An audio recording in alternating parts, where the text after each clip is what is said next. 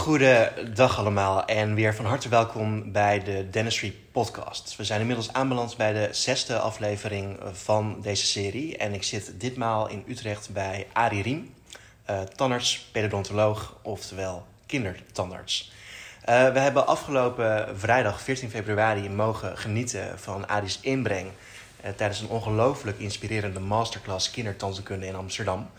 En we gaan nu nog eventjes achteraf verder en nader kennis maken met deze man. Uh, waarbij we ook heel duidelijk hebben gemerkt dat hij ongelooflijk bevlogen is. En dat er een ongelooflijke passie uitstraalt in de manier waarop hij zorg verleent richting zijn patiënten. Maar ook gewoon heel erg open in het leven staat. En daar gaan we het ook onder meer vandaag verder met jullie over hebben. Ari, van harte welkom dat ik er vandaag hier mag zijn. En ik ga gelijk mijn eerste vraag stellen.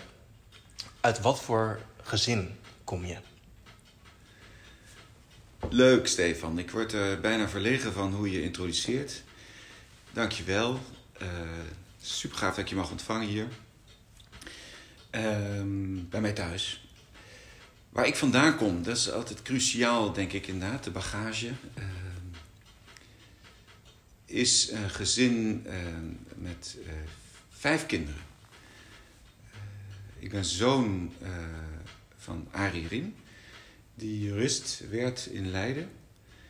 En die uh, vanwege fysieke problemen, uh, dat was namelijk het op slot raken van de toegang van zijn maag bij stress, het vak van de advocatuur liet liggen om in 1962 uh, Europees ambtenaar te worden in Brussel.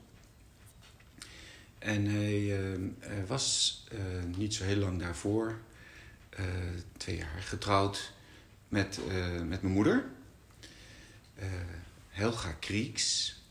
Uit wat, wat toen Pruisen was. En mijn moeder is, zoals uh, we noemen, eine Vertriebene. Also eine Vertriebene van den Russen. Um, want in 1944 in, in 44 zijn ze uit, uit Pruisen, um, Noord-Pruisen zit nu Polen zijn ze verdreven door de Russen.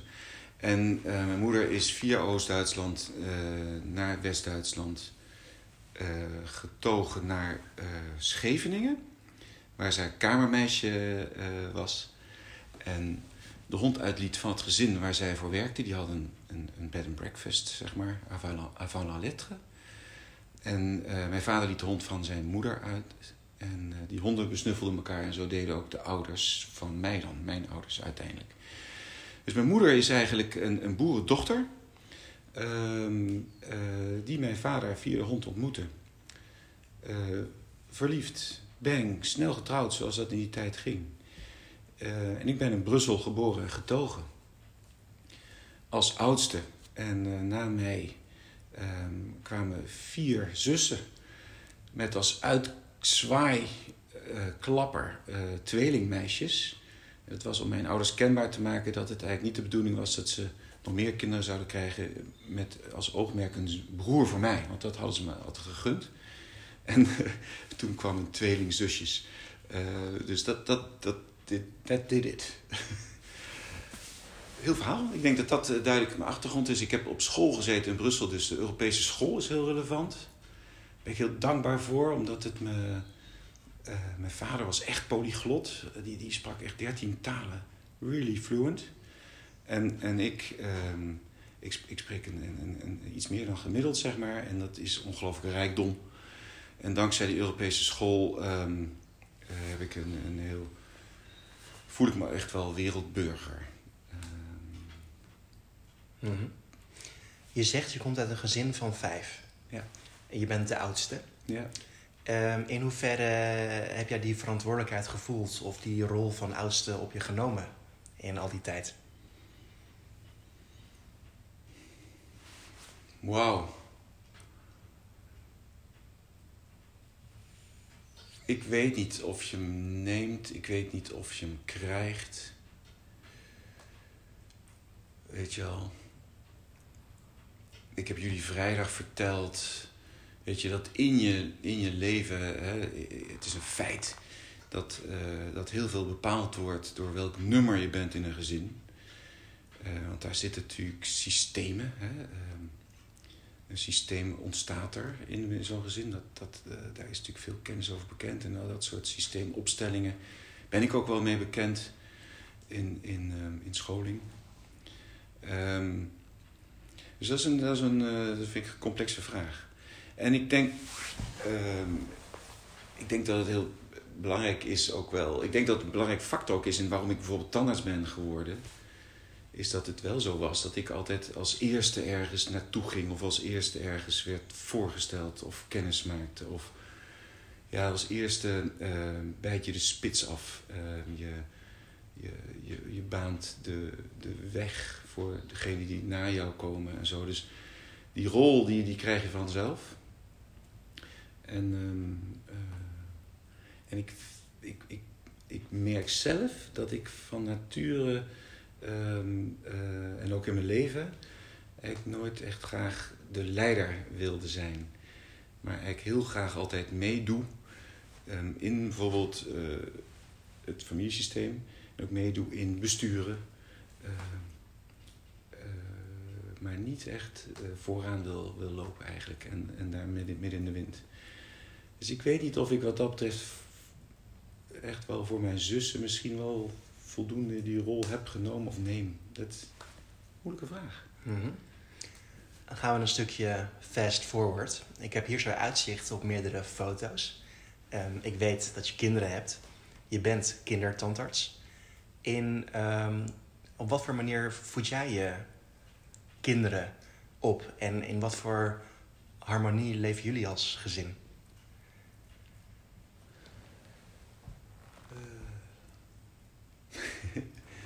Dat is ook een hele goede vraag, eh, Stefan.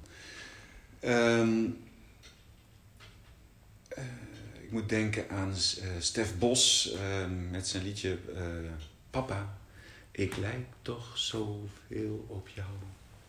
Ik ben nooit echt muzikaal talent geweest. Zijn de introductie op het feit dat je, dat je herkent dat je heel veel doet vanuit het patroon zoals je het hebt aangeleerd. Dus we ik, ik ben pas laat eigenlijk vader geworden. En dat was ook met name uit angst om het wellicht niet helemaal optimaal te gaan doen. Um, en ik wilde eigenlijk echt mezelf heel ver ontwikkelen. Voordat ik die verantwoordelijkheid zou uh, krijgen. Dus ik ben relatief laat ouder geworden. En, en vanuit de overtuiging zeg maar, dat een kind als het komt uh, alwetend is en, en, en, en, een diamant is.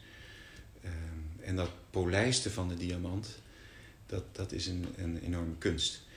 Dus wij proberen wat dat betreft de kinderen in een, in een, een talenten te helpen ontdekken en dat ze die kunnen ontwikkelen. En we proberen ze uh, te begrenzen en, en structuur te bieden wanneer we denken dat dat relevant is. Wat zijn de belangrijkste waarden waarmee jullie je kinderen hier opvoeden?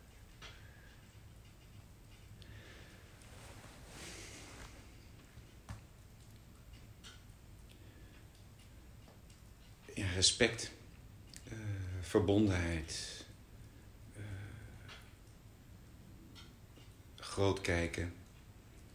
En wat we ze hopen mee te geven als ouders, hè, een aansluiting op wat je ervoor zei, is het besef dat ze volledig welkom zijn bij ons en op aarde. En dat ze, dat ze, dat ze goed zijn zoals ze zijn met hun, met hun eigenheid. En dat ze leren zien dat, dat, uh, dat al de mensen om hen heen ook zo zijn. Weet je wel? En dat je dat van elkaar verdraagt. Uh, en, en leert zien uh, hoe in ieder ander de schoonheid is die, die zo eigen is. En daar wat moois mee doet. Dus, dus ja, dat vind ik eigenlijk de diepste waarde, denk ik, voor, voor een mens. Überhaupt wellicht. En ik hoop dat ze dat meekrijgen in, in, in, in, het, in de activiteiten en in het, van, van mijn vrouw en ik professioneel. En in onze activiteiten als gezin. Um, de waarden die je net noemt en je begon met respect. Zijn dat ook direct de, de primaire waarden die jij voor jezelf hanteert in het leven? Dat is een goede vraag, ja, Stefan. Want het brengt me op tussen regelmatig zich ook voortdoende uh, conflicten In die zin dat ik van de tijd ben dat je luistert naar autoriteit. En ehm, dat is voor mij normaal, een waarde, heel belangrijk. En heden ten dagen ervaar ik zeker met twee kinderen, we hebben uh, voor de duidelijkheid een zoon en een dochter, van 16 en 14 jaar oud. Dus we zitten in een prachtige fase van de puberteit. Dus daar, daar doet het zich wel eens voor dat, dat, dat je dat respect niet altijd meteen ervaart. En, en dan is het voor mij een oefening uh, om na te denken of ik dat verwacht en of ik dat respect dat ik verwacht, of dat terecht is. Of dat ik het verwacht vanuit een soort wellicht klassieke gevoel van ik ben de baas. Ik ben de oudste. Ik ben de autoriteit. En dus, ik heb gelijk. En dan word je gechallenged door je kinderen. Uh, van, van, van, klopt het wat ik, wat ik zeg? Klopt het wat ik doe? Hè, dus ik, het is heel prachtig om kinderen te mogen uh, hebben. Of te mogen verzorgen. Want hebben is eigenlijk al een verkeerd woord. Maar het is heel mooi om kinderen te mogen, mogen begeleiden in hun leven. En, en, en terugkoppeld te krijgen dat je heel veel dingen onhandig doet. dus het woord respect. Ik twijfelde ook even voor ik het uitsprak als eerste. Ik weet ook niet wat het, wat het belangrijkste is, want ik vind dat een heel complexe term. Die natuurlijk te pas en te onpas wordt gebruikt. Eh, hè, met name even denkend aan de voetbalwereld. Waar, waar, waar dat steeds wordt gevraagd. Maar het is een enorme uitdaging. Zeg ik een beetje, sluit ik aan bij wat jij vroeg? Ik, ik denk het zeker. Hè? Um, vaak hanteren wij dat in de context van respect voor je medemens. Wat zouden eventueel jouw waarde nummer twee en jouw waarde nummer drie kunnen zijn? Die jij het meest belangrijk acht in het leven?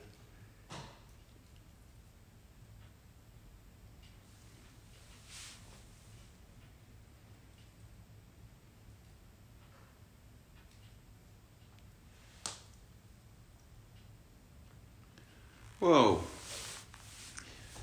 Deze vraag had je natuurlijk van tevoren moeten opsturen. Dat had ik daar gewoon afgelopen jaren op kunnen zitten. dus dat doe ik natuurlijk ook al die jaren al. Maar om het zo te formuleren, dat, uh, dat zijn zo. En dan concreet met 2 en 3. Dus ranking en zo, maar ik doe mijn best van. En dit is nogal wat. Waar ik ongelooflijk mee bezig ben, is met schoonheid. Mooi ik wil graag schoonheid zien en, en, en ondersteunen. Dat vind ik cruciaal. En ik denk dat alles wat is, is, is op zijn manier uh, mooi.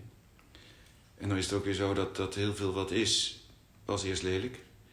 Dus het is ook zo dat, dat vaak je dingen ook toch weer kapot moet maken. Hoe pijnlijk dat ook soms kan zijn, voordat je iets extra moois kunt maken. Dus dat vind ik een enorme uitdaging. Die zit in, in mooi, in schoonheid. En, en voor mij, hè, dat, dat brengt me misschien op waarde nummer twee, is dat je uh, de schoonheid wil toevoegen. Hè, dus, dus het zien van de schoonheid zit in de respect, denk ik. Dat is dan waarde één. Nou, we niet waarschijnlijk onbewust of bewust als eerste. De schoonheid ervan uh, kunnen zien. En dan, en dan nastreven om daarvan toe te voegen. En dan drie, wat is drie? Als hoogste waarde. Weet je, eigenlijk komt het dan misschien op. Eigenlijk, dat is natuurlijk ook een ambitie om, om, uh, om te kunnen genieten. Om, om, uh, om te ervaren uh, en te delen. Dat, het, dat, dat, er, dat er plezier is. En dat, dat het natuurlijk één groot cadeau is. En, en, dat, en dat, je dat, dat, dat dat er is en dat je dat helpt zichtbaar maken. En voelbaar maken. Misschien, en, en, dat, en dat je daar als individu een rol in speelt, ja, dat is natuurlijk ongelooflijk belangrijk. En als je het hebt over kinderen begeleiden en zo, dan vind ik dit eigenlijk wel een heel mooi rijtje, deze drie. Heb ik er drie gezegd voor jou? Kun jij ze herpakken? Ja, ja. ja. Ja, en ik moest ook toen je noemde schoonheid natuurlijk ook gelijk denken aan zowel innerlijke als aan uiterlijke schoonheid. Ja. Schoonheid die ook in de loop van de tijd ontstaat. Wat je eventueel ook zou kunnen omschrijven als groei ja. in het leven. Um, en wat je als laatste noemt ook noemt, en dat woord dat is misschien niet specifiek genoemd, maar daarbij moest ik ook gelijk denken aan hè, geniet maar ook in de vorm van misschien dankbaarheid.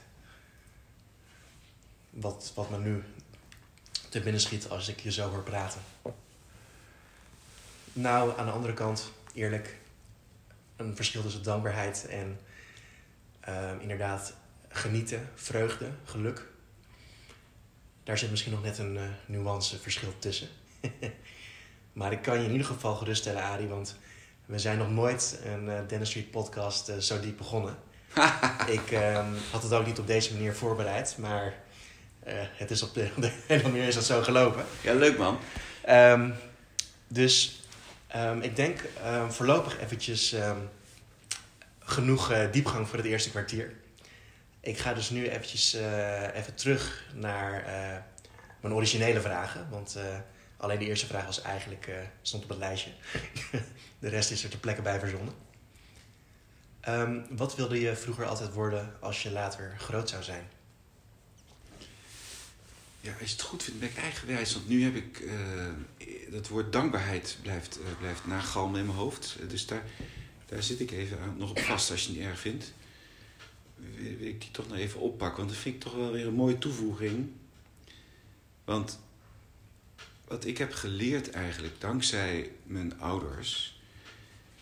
Ik, weet je wel, dat genieten en zo, dat is natuurlijk een ambitie. En, en ik kom voort natuurlijk uit, uit de generatie van keihard werken. En altijd zuinig zijn. En altijd, uh, altijd, altijd bezig. Altijd werken, werken, werken. En nooit genoeg. Kan altijd meer. En, uh, en ik doe mijn best, zeg maar, om, om ja, wat dat betreft dankbaarheid te ontwikkelen. En, en wat dat betreft, uh, ja. Weet je, dus ik vind dat, dat, dat wou ik toch heel even nog zeggen, dat ik, dat ik mezelf herken als, als een enorm harde werker. En, en dat ik het eigenlijk een uitdaging vind om, om, om, om te proberen gewoon uh, niet per se heel hard te werken, maar proberen gewoon te kijken wat je doet. En, en dus, dus uh, ja, weet ik veel, weet je wel. Werken, werken, werken. Waarvoor doe je dat, weet je wel? Je, het is a priori, denk ik, belangrijk om het te doen met de oogmerken die ik heb genoemd, zoals schoonheid toevoegen. En, en ja, dat je dankbaar bent om, om te kunnen werken en iets te kunnen opbouwen. Oké, dus dat, daar, ben daar, ben daar wou ik even kwijt. En a priori had ik bedacht. Uh, ik, ik ben altijd een heel drukke jongen geweest. Heel erg bewegelijk. Uh, ik was echt, echt zo vlug als water. Ik had een deurklopper op mijn deur gekregen van mijn ouders, omdat ik mezelf heel mooi vond. Maar ze vonden hem toepasselijk bij mij. En dat was een deurklopper in brons van een vosje. Um, en ik had wel wat met vosjes en hun gedrag vind ik nog steeds intrigerend. Dus ik ben um, uh, een heel fysiek mens, een heel, heel snel mens. En ik, ik, wil, ik wilde jachtvlieger zijn. Um, als, ik, ik heb mezelf ervaren als, als oorlogskind eigenlijk. Want mijn moeder, een detail is dat, dat haar vader een, een, een ver, bleef, verdwenen bleef. Uh, nadat hij als soldaat voor de Weermacht naar het Oostfront was gegaan. En, en wij gingen heel regelmatig naar mijn moeder, die in Oostkirchen uh, woonde, in Duitsland. En ging heel vaak heen. Dus daar, daar, kon niet anders dan dat mijn grootmoeder natuurlijk heel vaak had over haar man. En over die tijd die toen nog nabij was. Um, uh, heel nabij voelde. Dus ik was wel uh, buitengewoon geïnteresseerd in alles wat met de Tweede Wereldoorlog te maken had. En ja, ik heb alle uh, vliegtuigmodelletjes zelf in elkaar geknutseld. Dus ik had wat met dat militair gedoe. En ik had godzijdank het besef ook wel dat, dat het product van hardwerkende jachtvlieger... dat dat heel veel narigheid en ellende zou kunnen zijn. En, en dus ik heb wel heel duidelijk ingeprent gekregen dat oorlog wel wel gewoon ongelooflijk uh, vreselijk is. En, en mijn vader was ook utopist. En was daarom ook heel trots en blij dat hij mocht gaan bouwen aan een, aan een mooier Europa. En ik voel dat in al mijn vezels. Dat ik ook uh, dat, dat utopische uh, samenwerken naar, naar een betere wereld, dat, dat, dat is er ingebakken al die jaren. Dus ik, ik, ik, had, ik had de keuze tussen dat en eigenlijk uh, tandarts worden. Dat, want dat, dat was dat verbinden, dat knutselen, dat technisch knutselen, wat ik interessant vond. Omdat ik het zag bij mijn vier zussen. Terwijl wij bij de tandarts op bezoek waren, die heel prettig wonende ons ontving op zaterdagochtenden. Dat het hele gezin werd, werd gesaneerd. Um, en dat, dat kon ik zien. Ik kreeg complimenten, want ik had geluk, ik had een puntgave mond altijd. En, me, en, en ik snoepte alles bij elkaar. En, ik, en, en mijn zussen waren aan de beurt, want die, die, die snoepten veel minder, want die, die hadden de kans niet, want ik had, het was hen voor. En ik heb van jongs af aan dus eigenlijk meegekregen dat, dat, dat je heel stout heel vaak kunt snoepen en toch heel blijft. En dat je hele brave zussen hebt die veel, veel beter zich gedroegen en pech hadden. Uh, pech in die zin, ik, ik, ik heb dat toen nooit ervaren, dat het eigenlijk best heel naar kan zijn om behandeld te worden. Dat duurde vele, vele, vele jaren tot ik dat zelf ervoer. Hoe lastig het kan zijn om zelf behandeld te worden als, als, als patiënt. En dat was voor mij, voor mij een life-changing moment. Want ik ben dus standaards geworden omdat ik het zo gaaf vond om te knutselen. En omdat ik wist dat het me een soort status en een soort uh, financiële vrijheid zou geven die, die prettig zou zijn. En ik dacht van oké, en dan help ik mensen en het geeft me een prettig leven. Ook nog, want je verdient bovenmodaal. Maar ik had nooit ervaren hoe, hoeveel gedoe je daarmee anderen aan kunt doen. En dus het was vanaf mijn eerste vulling uh, die ik zelf kreeg, dat ik tevens eigenlijk angstpatiënt werd. En dat heeft mij eigenlijk, veranderd. Uh, in die zin dat het me heeft gedreven om de beste angstbegeleider, of de beste gehandicapte tandarts, of de beste kindertandarts te willen zijn. En daar heb ik mijn best voor gedaan. Het is heel mooi dat je dat uh, zegt. Um, terwijl je aan het vertellen was en al eerder, um, kwam inderdaad ineens in me op, na aanleiding ook van ons eerdere contact en de masterclass van vrijdag, dat je bovenal ook ongelooflijk menselijk en ook heel erg empathisch bent. Uh, je noemde tijdens je masterclass het woord uh, empathie versus uh, compassie, geloof ik, ja. onder meer. En um, het, het, straalt van je af. En um, misschien mag ik het verklappen. Uh, maar er is afgelopen vrijdag is er op een gegeven moment een, uh, een casus aan bod gekomen. Um, en uh, ik zal het maar misschien even voor nu de traan van Arie Riem noemen. die op een gegeven moment ja, kwam bovendrijven, maar natuurlijk tegelijkertijd door de zwaartekrachten naar beneden kwam, kwam rollen. Um, ja, als je dit zo hoort, hoe, hoe, wat, wat gaat er dan in je rond? Ja, gossie, ik weet het niet, uh, Stefan. Het want ik voel me weer wat geëmotioneerd. Uh, ik weet het niet, kerel. Uh, emotie.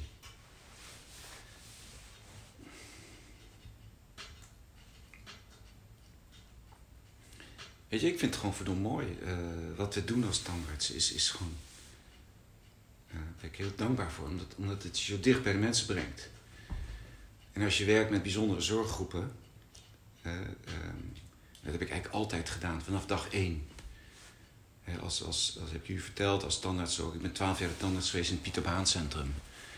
En dan maak je de crème naar de crème mee van, van, de, van de mensen die gedetineerd zijn. En wat ik in die twaalf jaar heb geleerd, is dat al die boeven, misdadigers, criminelen zoals we ze dan noemen. En ik heb geleerd dat het allemaal slachtoffers zijn van, van pech in hun leven. En dus dat heb ik heel jong, zeg maar, geleerd. Zoals mijn zussen. Uh, ik heb dat heel jong ervaren, zeg maar. Dat, dat, dat je, het, het, het, weet je, je loopt als mens als een munt, rol je door het leven. En, en ik weet gewoon, ik voel dat, dat, dat je. Er is niks voor nodig. Dat je ligt aan de, aan de, aan de hele platte, slechte kant. Gewoon in de, in de goot. En aan de andere kant uh, kun je ongelooflijk uh, goed hebben. En, en, ik, en ik, ik, ik prijs mezelf ongelooflijk rijk en gelukkig. Dus ik vind het geweldig dat ik, uh, dat ik in, in, de, in de welvaart waarin ik leef uh, mag werken met mensen eh, en, en mag helpen met de pech die ze hebben. Hè, dus, dus waarnaar je refereert is zeg maar, ja, dat was net eh, de dag ervoor dat, dat ik een, een moeder had omhelst. Omdat, omdat zij naar ons toe kwam nadat ze haar kind had opgehaald bij de dagopvang. En dat was een meervoudig de dochter van, van uh, 6,5 jaar. Die, die een syndroom heeft waardoor ze aan een, aan een rolstoel gekluisterd is. Met een helm op haar hoofd. Ze kan wel lopen, alleen onhandig. En ja, het kind heeft net sinds een jaar twee prachtige nieuwe voortanden.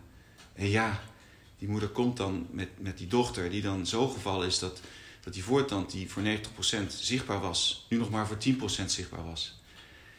En, en die tand kon ik voor 10% zien, alleen maar omdat het kind wakker werd doordat wij met elkaar praten.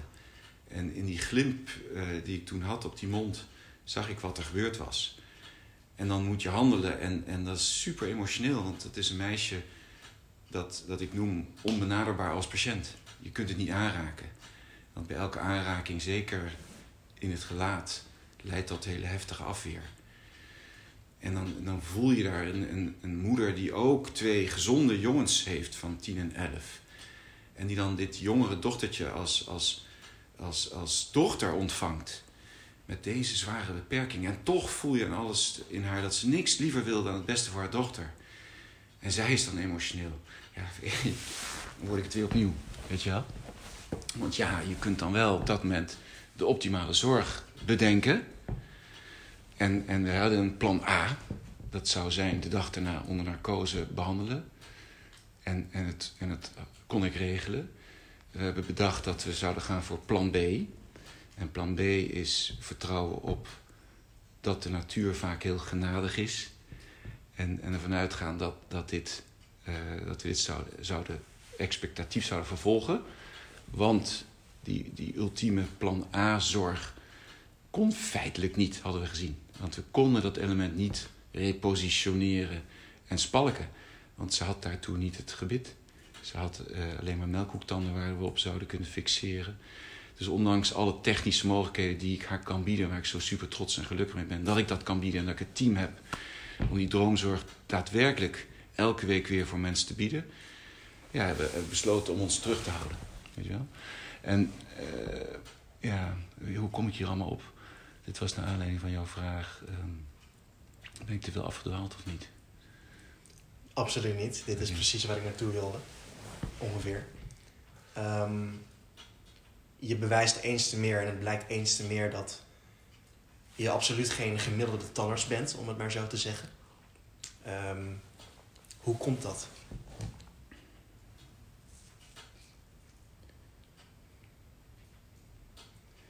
Nou ja, uh, gewoon. Uh,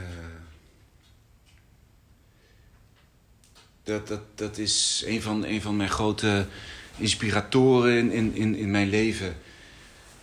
Uh, ik heb jullie verteld van Albert Schweitzer, vrijdag herinner ik mij nu. Maar ik heb jullie niet verteld over hoe Gandhi heeft gezegd. En dan in het Engels hebben ze volgens mij dat genoteerd als... Be the change in the world you want to see. Weet je wel? Dus dat, dat is natuurlijk een soort handvat. wat wat, wat onregelmatig, maar wel regelmatig door het hoofd gonst. Dus die, die hou ik vast. En ik heb ook verteld, weet je wel, dat ik leef volgens het, weet je, naar het motto. Ik streef steeds naar do the right thing. Nou ja, we hebben net wat afwegingen, heb je me horen maken. Ja, daar ben ik continu mee bezig. Weet je, want ik weet dat, dat de, de vernietiger en de creator zitten altijd, kijken elkaar in de ogen en zijn bij spreken vrienden van elkaar. En, en, en in de, de, de, Boeddha's middle way, leidt vaak tot, tot, tot uh, het verst.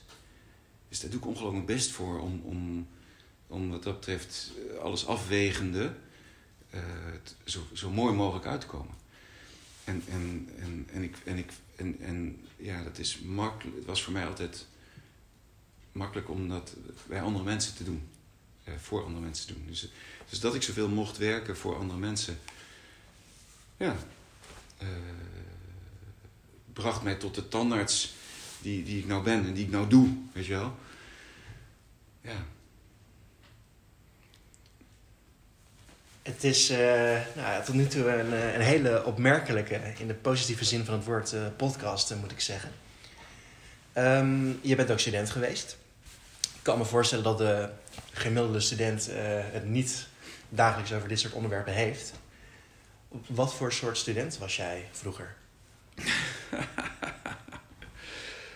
ah, dat is weer een hele gemene van jou. Maar het is wel weer raak. Dus wat in me opkomt is dat. Ik noemde net al uh, Vishnu en, en Shiva de, de twee extreme. Ik ben heel extreem student geweest. Uh, ik heb alle commissies die je kon doen als Utrecht Score student heb ik gedaan. Volledig overgave. Uh, volledig letterlijk en figuurlijk verdronken in die geweldige wereld. Ik heb daar ongelooflijk veel plezier gehad en van genoten. En, en ik begon daar in 82. Nee, ik zeg het verkeerd. In het jaar 83 ben ik daar begonnen. En uh, pak een beetje in 91 of zo um, liet ik dat eigenlijk helemaal los. En, en, en toen werd ik soort van wakker van, van wow, waar heb ik geleefd? Wat heb ik gedaan? En, en, en toen, toen heb ik een paar keer gewoon enorme kuren gedaan van vasten. Lange vaste periodes gedaan om, om te ontslakken, om schoon te worden, om weer een heel ander leven op te zetten. En toen, toen, toen ben ik enorm uh, bezig gegaan met, met boeddhisme heb uh, letterlijk trektochten uh, gedaan naar Nepal. Trektocht zoekend naar, naar. zoekend. En trektocht omdat ik als Albert Schweitzer kiezentrekkend mensen wilde gaan helpen. is dat verhaal eigenlijk. Dat verhaal. Ja, zo ben ik student geweest. En, en daarna weer heb ik weer dat meegenomen en, en daarna ben ik de andere kant ook weer ontwikkeld. Men zegt wel eens dat de studententijd de mooiste tijd van je leven is. Ben je daarmee eens? Ja, ja, ik kan niet anders zeggen. Ronduit ja. Ja. Ja, waarom? Omdat uh, je heel erg bevoorrecht bent als je de kans krijgt om te mogen gaan studeren. Het geeft je de mogelijkheid om uh, in relatief, denk ik, veilige, maar in ieder geval vrije omstandigheid een relatief eenvoudig doel na te streven. Want je hebt dan uh, de mogelijkheid gekregen om, om te focusseren op het halen van een studie. En, en die studie eh, heeft een bepaalde belasting. Ik heb, uh, me te goed, ik heb keihard gewerkt om mijn vakken te kunnen halen. Want ik ben denk ik niet buitengewoon begaafd als, als, als uh, student of uh, als, als leerling. Uh, dus ik heb heel hard gewerkt eigenlijk om, om het allemaal te halen. En ik heb daarnaast heel veel tijd ook genomen om, om ongelooflijk veel andere leuke dingen te doen. En ik heb daar natuurlijk enorm geoefend in het, in het sociaal omgaan met andere mensen. Ik heb enorm geoefend in het, in het maken van feesten. Ik heb enorm geoefend bij het studentenkoor, waarin denk ik koorstudenten nog steeds in excelleren. Het organiseren van evenementen, in het verbinden van, van, dat was ook mijn taak toen ik daar in het bestuur zat, van verschillende studentenverenigingen, van verschillende bloedgroepen. Van, uh, dus het is het is een geweldige proeftuin in de, de jonge adolescentie. Uh, om, om daar de grenzen te zoeken en te, te vinden. Dus dat is, ja, dat is een geweldige tijd. Een geweldige kans om je te ontplooien. Uh, ja, dus daar ben ik, uh, ben ik heel enthousiast over. En, en gun ik alle mensen om student te mogen zijn. Ik vind het eigenlijk heel erg grappig nu ik er zo over nadenk. Want in eerste instantie is dat een, denk ik een heel normaal antwoord. Alleen tegelijkertijd zou het kunnen betekenen dat als jij de levensfases die jij doorgaat in je leven een cijfer zou moeten geven. En als inderdaad de studententijd van je leven zeg maar een 9 was. En daarmee de mooiste tijd van je leven was. Betekent dat het dan inderdaad dat de rest van je leven niet hoger dan een 9 scoort. Maar inderdaad een achtje wordt of... Ja, ja, ja, ja geweldig. Ja, dat brengt me terug op dat werken of zo, waar, wat ik, ehm, waar ik toch even wilde neerzetten. Dat, dat arbeider, dat, dat steeds werken, werken, werken. Uh, dankbaarheid en, en genieten. En, en weet je, ik denk dat het met, met, het met de verschillende fases die je in leven, die ontwikkeling die je doormaakt in je leven. Je, weet je, het leven wordt vooruit geleefd en achteruit, achterwaarts begrepen. Dus ik, ik heb die studententijd ten volle genoten. En ik kan overzien wat dat betekent uh, voor mij. Ik heb net genoemd hoe ik dat zie. En, en ik ontwikkel nu een beetje het inzicht dat, dat ik het. Uh, en ik ontwikkel hopelijk ook een beetje de rust. Uh, dat ik geniet ook van de schoonheid van het ouder zijn. En, en want als je mij nou vraagt om natuurlijk de fase van mijn huidige leven te becijferen, uh, ja, dan durf ik dat geen negen te geven eigenlijk op dit moment. Want daarvoor ben ik toch nog te veel aan het werk. Daarvoor ben ik nog te weinig erboven hangend en, en, en los van. En uh, ontbreekt me wellicht nog het voldoende inzicht. Om niet toch vaak nog, toch ook nog door emoties te worden meegetrokken. In, in, en te vaak te worden gefrustreerd in dingen die je hebt, waardoor ik het leven zoals ik het alledaags leef, niet zo enthousiast over durf te vertellen als ik nou vertelde over mijn studententijd. Begrijp je wat ik bedoel? Ik wil nu natuurlijk ook heel goed doen, maar ik, ik betwijfel of ik dat doe, want daarvoor ben ik, leef ik nu. En in hier nu het leven, uh, mooi leven, dat is, dat, is, dat, is, dat is een uitdaging het, het woord, nu je dit noemt, waar ik gelijk aan moet denken, dat is eigenlijk het woord vrijheid. De vrijheid die je hebt als student, maar vervolgens ook de verplichtingen die je in een latere fase van je leven krijgt. Exact. Ja, ik zeg exact, sorry, dat had ik niet moeten doen, want jij wilde misschien nog meer zeggen, waar, dus ik val je in de reden. Wat, wil je doorzeggen wat jij wilde zeggen? Ik heb gezegd wat ik wilde zeggen. je bent slim ik ben dom. dat ging weer te snel. Oké, eh, dus ik krijg niet meer van jou dan dat. Ehm, behalve de term vrijheid. Ja, uh, vrijheid is, is, uh, is, is ja, leuk, want dat is ook een van de hoogste waarden wellicht. Die heb ik net straks natuurlijk niet genoemd. Maar ik weet wel dat het voor mij een enorm leidend beginsel altijd is geweest. En, en dat brengt me weer, ik moet even, ik weet niet waarom, maar ik noem het toch maar eventjes. Eh, als je mij vraagt wat is je beste boek ooit gelezen of zo, dan noem ik denk ik graag bijvoorbeeld, uh, het beste boek is, is geen bijvoorbeeld, maar Herman Hesse, Narcissus en Goldmund. Is weer, dat, is weer dat, dat mannelijke en dat vrouwelijke, die twee tegenpolen. En, en, en weet je, je kunt vrij zijn als het een en ook als het ander. En, en vrijheid, eh, weet je, de, vrijheid is natuurlijk ook een, een geestelijk ding. Dus, dus ik, ik, ik, ik ben altijd beheerst door, door het ervaren van vrijheid, eh, zeg maar. En het, en het beheerst me nog steeds enorm, omdat het een, een, een mentaal ding is. En ik, en ik weet dat ik in de grootst mogelijke eenvoud, armoede, uh, zwervend met een tent met heel weinig Letterlijk, dat heb ik een jaar lang gedaan met mijn beste maatje, mijn huidige vrouw en moeder van onze twee kinderen. Hebben wij gewoon met een budget van 10 dollar per dag per persoon hebben wij een jaar lang geleefd. Dus dan, dan leef je het leven van, van een zwerver. En dat was natuurlijk een geweldig rijk leven. En nu, nu ervaar ik, zeg maar, de rijkdom van de andere kant. Want, want jij, jij, jij, jij stapt hier binnen langs die Tesla. weet je wel, wat te maken heeft met, met, met uh, financiële rijkdom. Zeg maar, ja, dat kun je zien als een beeld daarvan.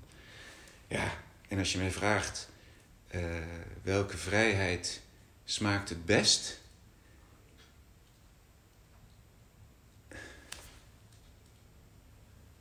Dan heb ik daar eigenlijk geen antwoord op. Want eigenlijk, diep van mezelf, voel ik mij het meest de zwerver, zwervend, zoals Narcis in het boek, met niks over de wereld, zoekend en vindend wellicht ook zichzelf. En anderzijds ben ik heel blij met het pad dat ik leef, wat leidt tot, tot de vrijheid van het kunnen kopen van zo'n enorm mooi prachtig stuk techniek, wat in mijn, naar mijn gevoel de wereld niet schaadt. En, en dus, dus die vrijheid, ik heb de vrijheid om het een te doen en het ander te doen. Dus ja, hoe, hoe gelukkig, wat voor cijfers je hebt over, wat voor cijfer kan ik mezelf dan geven? Ja, dan zit het natuurlijk wel weer op de negen. Want die tien heb ik geleerd als uh, goed katholiek. is voor Liveer. En daar kun je het met woorden niet over hebben. Het is uh, inderdaad geweldig mooi. Um, ook heel mooi dat je gelijk uh, die reis noemt. Want dat was namelijk mijn volgende vraag. Je hebt veel gereisd in het leven. Wat zijn de momenten, want uiteindelijk zegt men het gaat uiteindelijk om de momenten die je meemaakt in het leven. Welke momenten uh, van de tijd die jij in het buitenland hebt doorgebracht zijn jou het meeste bijgebleven? Ook in de zin van inzichten die dat op jou op dat moment gaven, om die vervolgens ook te kunnen toepassen en die je rijker mee terugnam. Terug naar Nederland, terug naar Utrecht. Wow.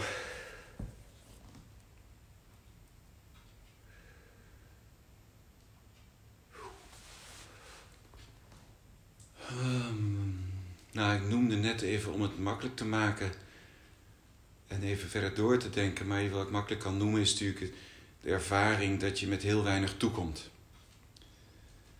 Als je lichamelijk en geestelijk gezond bent, is dat heel makkelijk. Dan heb je weinig nodig, materieel. Uh, ook qua voeding. Want ik denk dat de energie die zit echt nou ja, hè, er zitten proteïne in de lucht, weten we inmiddels. En, en uh, ik weet, ik ken verhalen van mensen die met, met, met lucht leven. Dat is makkelijker. En dan heel persoonlijk is toch wel, maar dat is misschien wel toch wel goed om te noemen, is dat uh, ik met mijn vrouw de, de millenniumwende, op zijn Duits moet ik het zeggen, een overgang dat uh, eh, 2000 werd. Toen waren we in Hanoi. En toen hadden wij ja, goed zeven weken gereisd door China en met name door Tibet. En toen waren we in Hanoi en daar, daar vierden we de, het millenniumwende. We overwogen de optie om daar wellicht te gaan settelen in Hanoi, want dat vonden we een prachtige uh, centrum in de wereld van waar Oost en West elkaar vinden in Phnom Penh. Waar je Franse wijn en stokbrood kunt eten op Frans ogende terrassen aan een mooi meer. Met geweldige legenden die aan dat meer verbonden zijn en die weer waanzinnig vol oosters zijn. Dus dat was een heel bijzondere plek. En wat ik daar heb ervaren, is dat ik niet in verbinding bleek te zijn met mijn beste partner. En nu nog steeds ervaar ik het een uitdaging om, uh, om niet eenzaam de reis te reizen. En dat was me dus blijkbaar overkomen. Uh, was toen in een crisis die we daardoor doormaakten om zeven, jaar, zeven weken fulltime met je maat te zijn, zonder dat je daadwerkelijk, dat zij die verbinding had ervaren, waarvan ik dacht dat hij wel was was natuurlijk eigenlijk een enorme crisis. En die crisis hebben we uh, overleefd. En, en dat doen we nog steeds. En, en, en, en dat doen we nog steeds, dat bedoel ik, dat blijft werk. om, om die relatie met, met je beste partner uh, goed te houden. Want dat vergt natuurlijk aandacht. Het, uh, het vergt aandacht. Aandacht, niks meer dan dat. Energie. Om, om, om, om je te richten, om te luisteren en te kijken naar, naar die partner. Ja, mooi gezegd. Um, ik zat al stiekem natuurlijk door te denken over de volgende vraag. Um, Wilco van Rooyen, uh, bergbeklimmer, die omschrijft wel eens als volgt. Als je nou een stok hebt van een meter lang en je kijkt erop en je ziet het begin en het einde van je leven. En je gaat jezelf neerzetten op een plek op die stok, stok waar jij op dat moment bent. En je ziet nog hoe lang je als het ware hebt. Wat, wat, wat wil jij nog bereiken? In, uh, je bent nu mid 50. Wat wil je nog bereiken in uh, de rest van jouw tijd die, uh, die jou gegund is?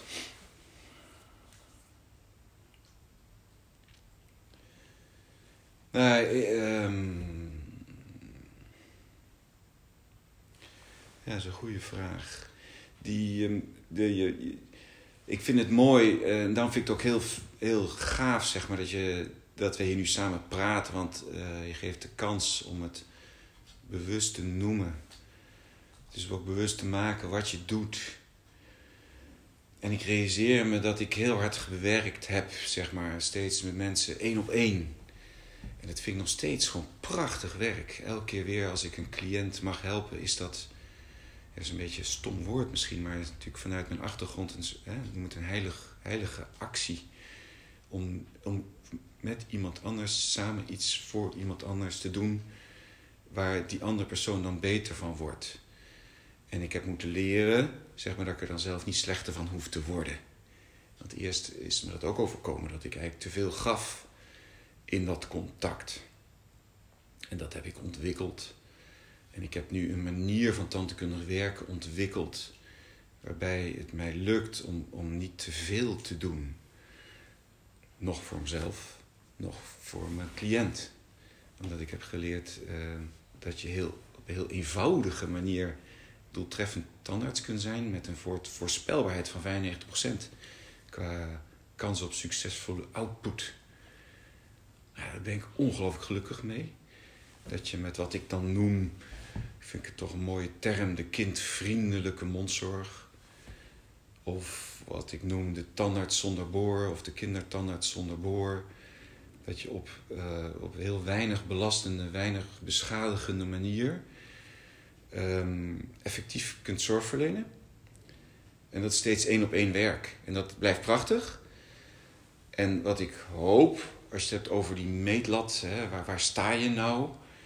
Ja, ik, ik sta op dat niveau en welk niveau dat is, dat weet ik niet. Maar ik vind het uh, prachtig om, om zeg maar uit dat niveau van één op één werk uh, bezig te zijn met waar jij mij nou de kans toe geeft eigenlijk. En daar, daarvoor dank ik jou. Om te werken voor, voor groepen.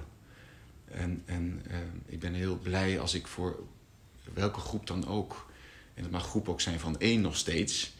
Maar als ik daar iemand anders kan raken en, en die kan bewegen, zeg maar, om iets te doen wat, wat, wat helpt, om het mooier te doen, dat vind ik geweldig.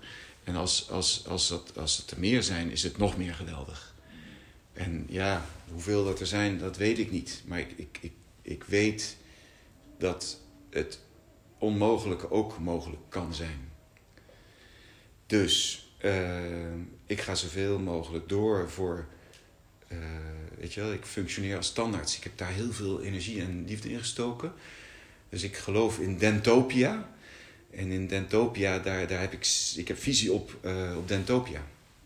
Dus ik, ik heb visie op hoe mondzorg kan, beter kan, denk ik. Dus dat wil ik graag delen. En, en in Utopia is, is, is, is er geen tandleed in Utopia is er geen tandkunde, nauwelijks tandkunde nodig. Uh, in, de, in Utopia is er geen tandheelkunde, want dat hele, dat is nauwelijks nodig. Een beetje tandkunde blijft relevant.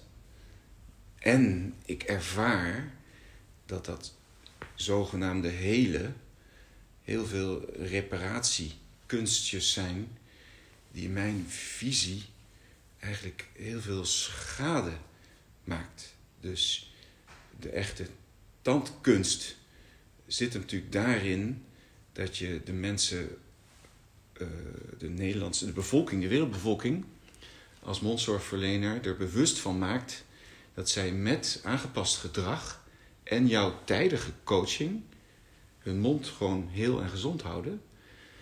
En, en, en in die wereld zal het zo zijn dat, dat je nauwelijks reparatieve mondzorg nodig hebt. En dus ik denk, ben echt van overtuigd hoe tandkunst zal leiden tot heel veel minder actieve uh, mondzorgverleners, in ieder geval reparatief actief. En ik weet dat dat kan. Dus ik wil heel graag, ik hoop nog heel lang door te mogen gaan met, met, met deze visie. En als ik dan zo vrij mag zijn om, om door te werken, ik maak dan graag een beetje reclame zeg maar, voor mijn nieuwe eh, initiatief dat ik met twee anderen doe. Het initiatief De Nieuwe Tandarts. De Nieuwe Tandarts die, die, die voelt zeg maar, mee met wat ik net probeer te schetsen. De Nieuwe Tandarts die weet dat hij de kunst verstaat om, uh, om mensen een gezonde mond te laten hebben, terwijl die zelf zo min mogelijk doet. En dat die mensen dus eigenlijk alleen de kennis en de handigheid en de trucjes biedt, zo eenvoudig mogelijk, om het hogere doel van een gezonde mond uh, samen te bereiken, maar met name door inspanning van degene die dat ook moet doen, en dat is die cliënt zelf. En dat, dat, dat, dat is de nieuwe tandarts. Die, die, en als, als die er is, als die zo doet, wauw, dan, dan sparen we zoveel energie, sparen we zoveel financiële middelen voor andere dingen die veel relevanter zijn dan die mondgezondheid. Want ja, mondgezondheid is heel relevant. En er zijn, zijn veel grotere onderwerpen we hebben het nu uh, gehad over het uh, ook daarmee maken van een bepaalde impact. Uh, ook straks het nalaten van een bepaalde nalatenschap. Um, jij doet het in de kindertandheelkunde. Um, waarom zit ik hier nu niet tegenover een, een endodontoloog of een gerodontoloog of wat voor loog dan ook, maar tegenover een kindertandarts?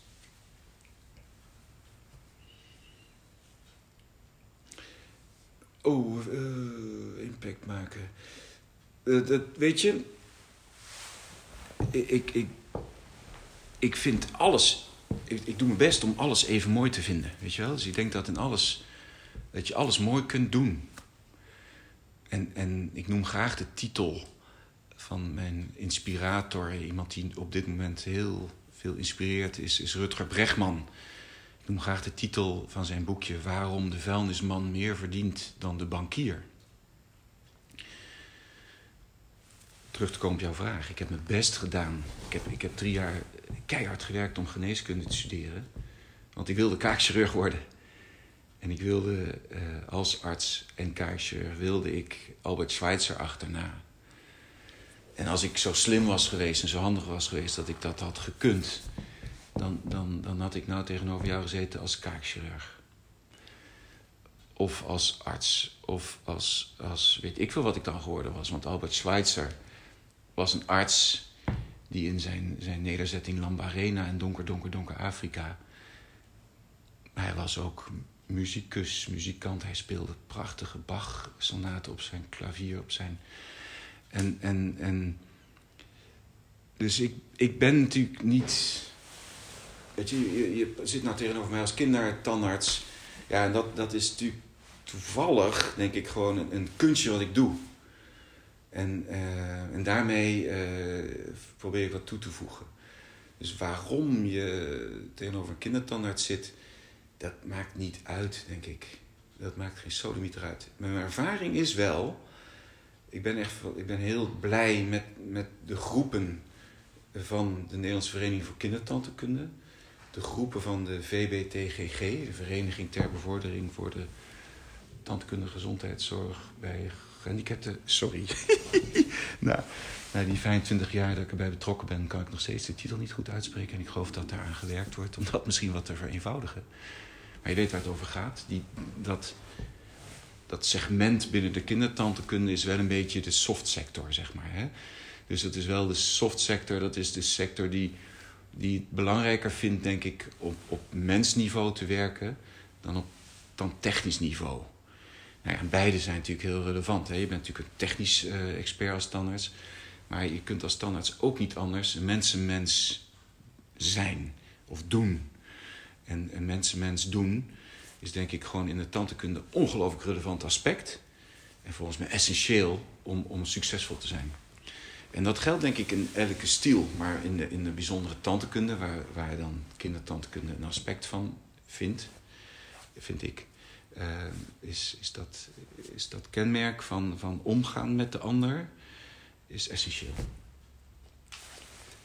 Men wil nog wel eens zeggen dat het in het leven draait om uh, liefde, geluk, voldoening. Tegelijkertijd zeggen mensen dat hè, success without fulfillment is the ultimate failure. Beschouw jij jezelf als succesvol? Ja, zeker, zeker. Zeker, het voelt echt goed. Uh, ik, ik vind het heel fijn dat, dat ik deze dingen even, hardop heb gezegd. Ik ben heel benieuwd hoe dat klinkt. Uh, en, en volgens mij is het is redelijk essentieel waar, waar we het over hebben. Want, want voor mij er zit zingeving in wat ik nou doe. Omdat, um, omdat ik echt denk dat, dat ik de wereld um, mooier maak. Doordat ik, door wat ik doe, denk ik dat we minder uh, schade maken minder pijn doen ervaren, minder leed mogelijk maken. Uh, met, met, met die tandheelkundige visies die, die ik verkondig. Dus dat ik op die manier bezig ben, tenminste, ik voel ten diepste dat dat, dat dat werkt, zeg maar. En als dat zo is, betekent dat minder leed. En, en dan, dat is, dat is voor mij mijn missie. Dus, dus de missie ook van onze kinderkliniek Tantenzicht is ook help kinderkiespijn de wereld uit. Ja, daar heb ik net over gehad, weet je wel, in dat utopia is dat zeg maar zo. En, en ik hoop een stukje te leven nog uh, in die wereld. En daarom hoop ik ook heel lang door te gaan met leven en, en meebouwen aan, aan, aan verschoning. Een van mijn uh, favoriete vragen die ik stel aan uh, iedereen die ik tegenkom. Als je weer opnieuw zou mogen beginnen, zou je dan weer hetzelfde pad bewandelen? Zijn er dingen die je anders zou doen? Wauw, dat weet ik niet. Dat is een goeie. Daar denk ik eigenlijk ook nog elke dag over na, bij wijze spreken.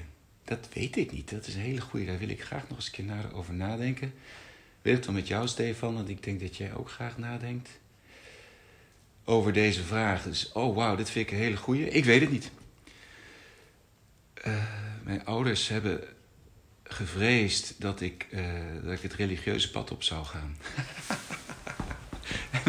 letterlijk gevreesd. Ik was bang dat ik priester zou worden en dan zou ik katholiek priester zijn. En mijn ouders wilden dat per se niet, want aan het katholicisme hangt het celibaat. En ik ben blij dat mijn ouders hebben eh, meegemaakt dat ik ouder, vader werd van twee kinderen. Want dat was voor mij heel, heel belangrijk, een prachtig geschenk. En, en dus ook blijkbaar voor mijn ouders. En, en gelukkig hebben ze ook uh, genoten van die kleinkinderen. En, en, en, uh, dus, maar dat was een reële keuze voor mij op een bepaald moment. En, en ja goed, als ik, als ik naar, naar welk uh, religieuze instantie dan ook ga, dan vind ik dat ook heel, heel fijn. Want dan, dan gaat dat over diepere waarden. En daar word ik altijd wel blij van. Dus als ik van tijd tot tijd weer naar de kerk toe ga, of als ik in een zenklooster zit, zo, dan, dan, voel ik me ook erg op mijn plaats eigenlijk. Dus, dus dan, dan weet ik niet of, of ik weer tandarts zou worden. Want ik kan me voorstellen dat, dat, ja, weet je, ja, nee, ik vind tandheelkunde een klein ding van het leven. En ik ben heel dankbaar dat ik daar dus mijn ding in bijdraag. En, en, ik, en, ik, en ik, ik, ik, ik, zie hogere waarden. Ik vind, ik, vind, uh, ik vind taal zit zoveel schoonheid. En in omgang van mensen zit zoveel schoonheid. Ik heb jullie vrijdag Marshall Rosenberg genoemd als grote inspirator met zijn uh, nonviolent communication. Uh, en als je het mooier vertaalt ehm, dan, uh, dan nonviolent, dan, want daar zit geweld in, dan vertaal je het mooier naar, naar verbindende communicatie. Zo, dat, dat, dat, die kunst, die vind ik eigenlijk nog hoger. Dus, ik, dus daar, ben ik, daar doe ik mijn best voor. Dat vind ik heel mooi. Dus de verbinding onder mensen. Dat, dat is. Uh, en of dat dan kan in de tandheelkundige wereld of elders, maakt in wezen niet uit. Maakt niet uit. Maar ik ben heel blij met uh, hoe ik ga. Wie beschouw jij als jouw grootste uh, leermeesters? Die jou dingen hebben bijgebracht die jij nog tot op de dag van vandaag steeds weer opnieuw toepast? Ja, ik geloof in de cirkel. Uh, ik noemde net al mijn ouders. Ik weet vanuit de wetenschap, zeg maar, dat uh, de nature-nurture discussie, of wetenschap, is relevant. En laat het 50-50 zijn, want uh, iedereen zingt zijn eigen lied. En ik weet vanuit, vanuit de Oosterse uh, filosofie en wetenschap, geschiedenis, dat, dat daar worden ancestors enorm geëerd. En ik denk dat dat heel verstandig is, omdat ik denk dat de helft van wie ik ben en wie ik doe, dat dat gewoon genetisch uh, bepaald is. Dus ik weet dat, en ik ben heel dankbaar voor hoe ik doe omdat ik ervaar dat veel daarvan voortkomt uit, uit, uit, het, uh, uit uh, de energie van mijn ouders. Die, ik, die leeft voort in mij. En, en daar zit heel veel schoonheid in. Er zat enorme verbetering in. Mijn vader die natuurlijk echt Europa zag ook als een groot doel. Hè? En mijn moeder die natuurlijk... Uh, keihard heeft gewerkt om heel leven weer op te bouwen. Niet alleen van haar, maar van, van vijf gestudeerde, gezonde kinderen. Potdomen, hoe mooi is dat? Dus um, daar zit heel veel in. Dus ik denk dat ik heel veel cadeau kreeg, weet je wel, vanuit mijn ouders. Dus die, die, dat respecteer ik enorm. En dan verder is het fijn dat je in je leven de kans krijgt om veel te horen en te lezen en, en, en te leren van anderen. En dat, dat zijn tallozen. Uh, weet je wel, ik, heb natuurlijk boekenkasten waar we nou tegenover zitten kijken. En daar zitten natuurlijk eindeloze leermeesters in. En, en leermeesters zijn natuurlijk altijd tijdgebonden. Uh, die verzen gaan natuurlijk over de, de eeuwen heen. En, en hè, dus, is, er staan natuurlijk boeken van, van Boeddha. Um, uh, maar, maar, weet je wel, uh, de Bijbel en, en de Koran zijn allemaal één boek, bij, bij wijze van spreken. En, en het gaat natuurlijk om het vinden van de woorden om dezelfde boodschap over te dragen. En je hebt natuurlijk leermeesters op spiritueel niveau. En je hebt leermeesters op, op, op praktisch niveau. En zo. Uh, ging het hier eigenlijk over? Zeker. Waar kunnen wij Arie Riem s'nachts voor wakker maken? Waar krijg jij een kwispelstaart van? Ja, eigenlijk alles. In ieder geval, nou, ik, ik krijg kwispelstaart. Ja, mooi. Ik krijg kwispelstaart. Dat is een apart beeld hoor, wat je dan ziet. Uh, dat hoeven we niet uit te spellen, want dat heeft ieder voor zich. Ben ik benieuwd welke kwispelstaart die ziet. Misschien is het wel het konijnenstaartje waarmee ik alle kinderen eigenlijk te kiezen. Zachtjes schoon aai. Ik, ik, ik zeg, eh, als ik, als ik mensen mag toespreken en ook uh, verwijzers en ook patiënten, zeg ik dat ze dag en nacht mij mogen bellen. En dat, en dat meen ik oprecht, want dan neem ik aan dat ze dat doen omdat ze een bepaalde behoefte hebben. En als, ze dan, als ik daarbij dan mag helpen, dan, dan voel ik me vereerd. En dan ben ik blij. Dus ik, ik, ik vind het onwijs gaaf als ik, als ik anderen, de kans krijg om anderen te helpen. Dat is uh, waar ik voor wakker word. Mm, heel mooi. Goed, we zitten inmiddels over het, uh, het uur, dus ik uh, ga het langzamerhand afronden. Ben nog wel even benieuwd, want er zijn meerdere uh, boektitels genoemd.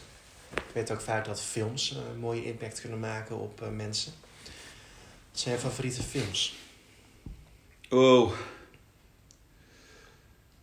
Oh man. Uh...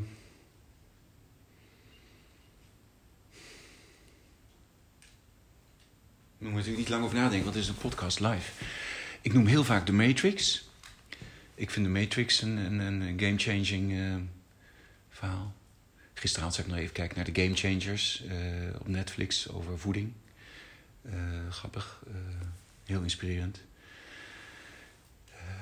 La Vita è Bella, prachtige film.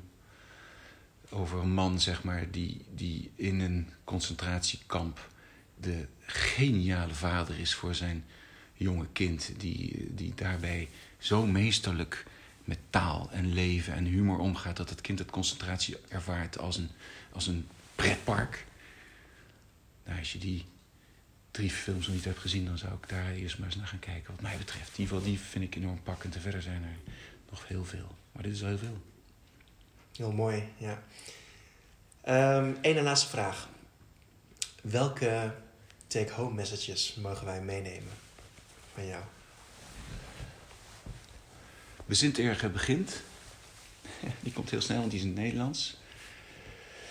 En ik heb de hele tijd met, met, met, uh, met mijn maatje gezeten bij Tich Nathan in het klooster. En we kochten daar een, een kalligrafie. En die vond ik zo mooi. En ik ben hem verloren. Dat zal ook wel ergens voor goed zijn die kalligrafie die we toen kochten. Daar staat iets op van... Um, uh, when you are sure, listen and look again. Punt. Kortom, als je ergens zeker van bent, kijk en luister en voel. Gebruik liever al je zintuigen weer opnieuw. Want echt, er is geen uh, enige waarheid. Behalve één misschien. Moet ik ook gelijk weer denken aan, uh, inderdaad, wanneer je spreekt, ook zeker als tandarts, maar ook als mens, juist vanuit je hoofd, maar anderzijds ook heel erg vanuit je hart. En, en, en, en ik merk bij jou heel erg dat, dat het hart er heel erg zit. Um, vind ik mooi.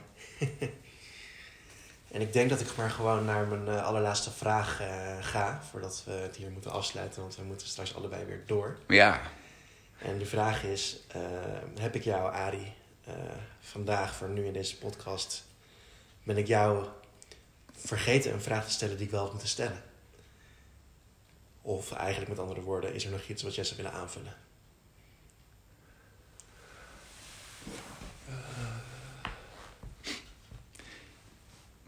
Ehm, nee, man. Volgens mij. Eh, ik ben bang dat, dat ik veel te veel dweperig, uh, zwevend.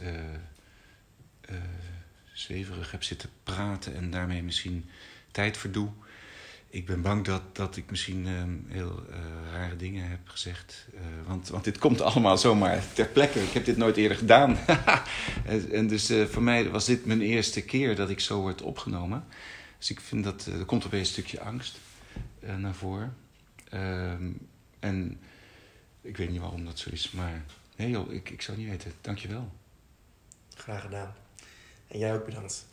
Um, ik vond dit, uh, hè, zonder de anderen tekort te doen, maar ik vond het tot nu toe echt de meest, nou ja, ik weet niet of inspirerend een goed woord is, maar in ieder geval, um, laat ik het even zo zeggen, de meest, de, de, podcast met, met, met de meeste menselijke aspecten en het meeste hart. En ik denk dat het een hele, er heel veel mooie boodschappen in verpakt zitten. het ging misschien deze keer iets minder over de tanden maar des te meer over het leven als mens en ook zeker voor je medemens. Uh, wat kunnen wij toevoegen en wat kunnen we anderen geven, zonder onszelf eerst te vergeten.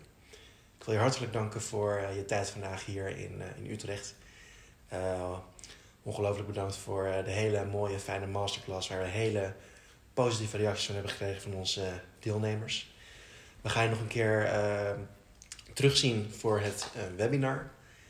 En uh, uiteraard voor u, beste luisteraars, bent u ook van harte welkom om te ervaren hoe het is om met mensen zoals Ari kennis te maken tijdens de verschillende masterclasses die we elke maand opnieuw organiseren.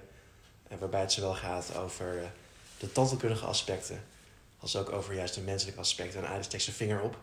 Dus dat betekent waarschijnlijk dat hij nog iets wil zeggen. Dus ik geef hem nu weer het woord. Mag ik eigenwijs het laatste woord? Dat mag. Want jij noemt volgens mij wel keyword uh, inspireren.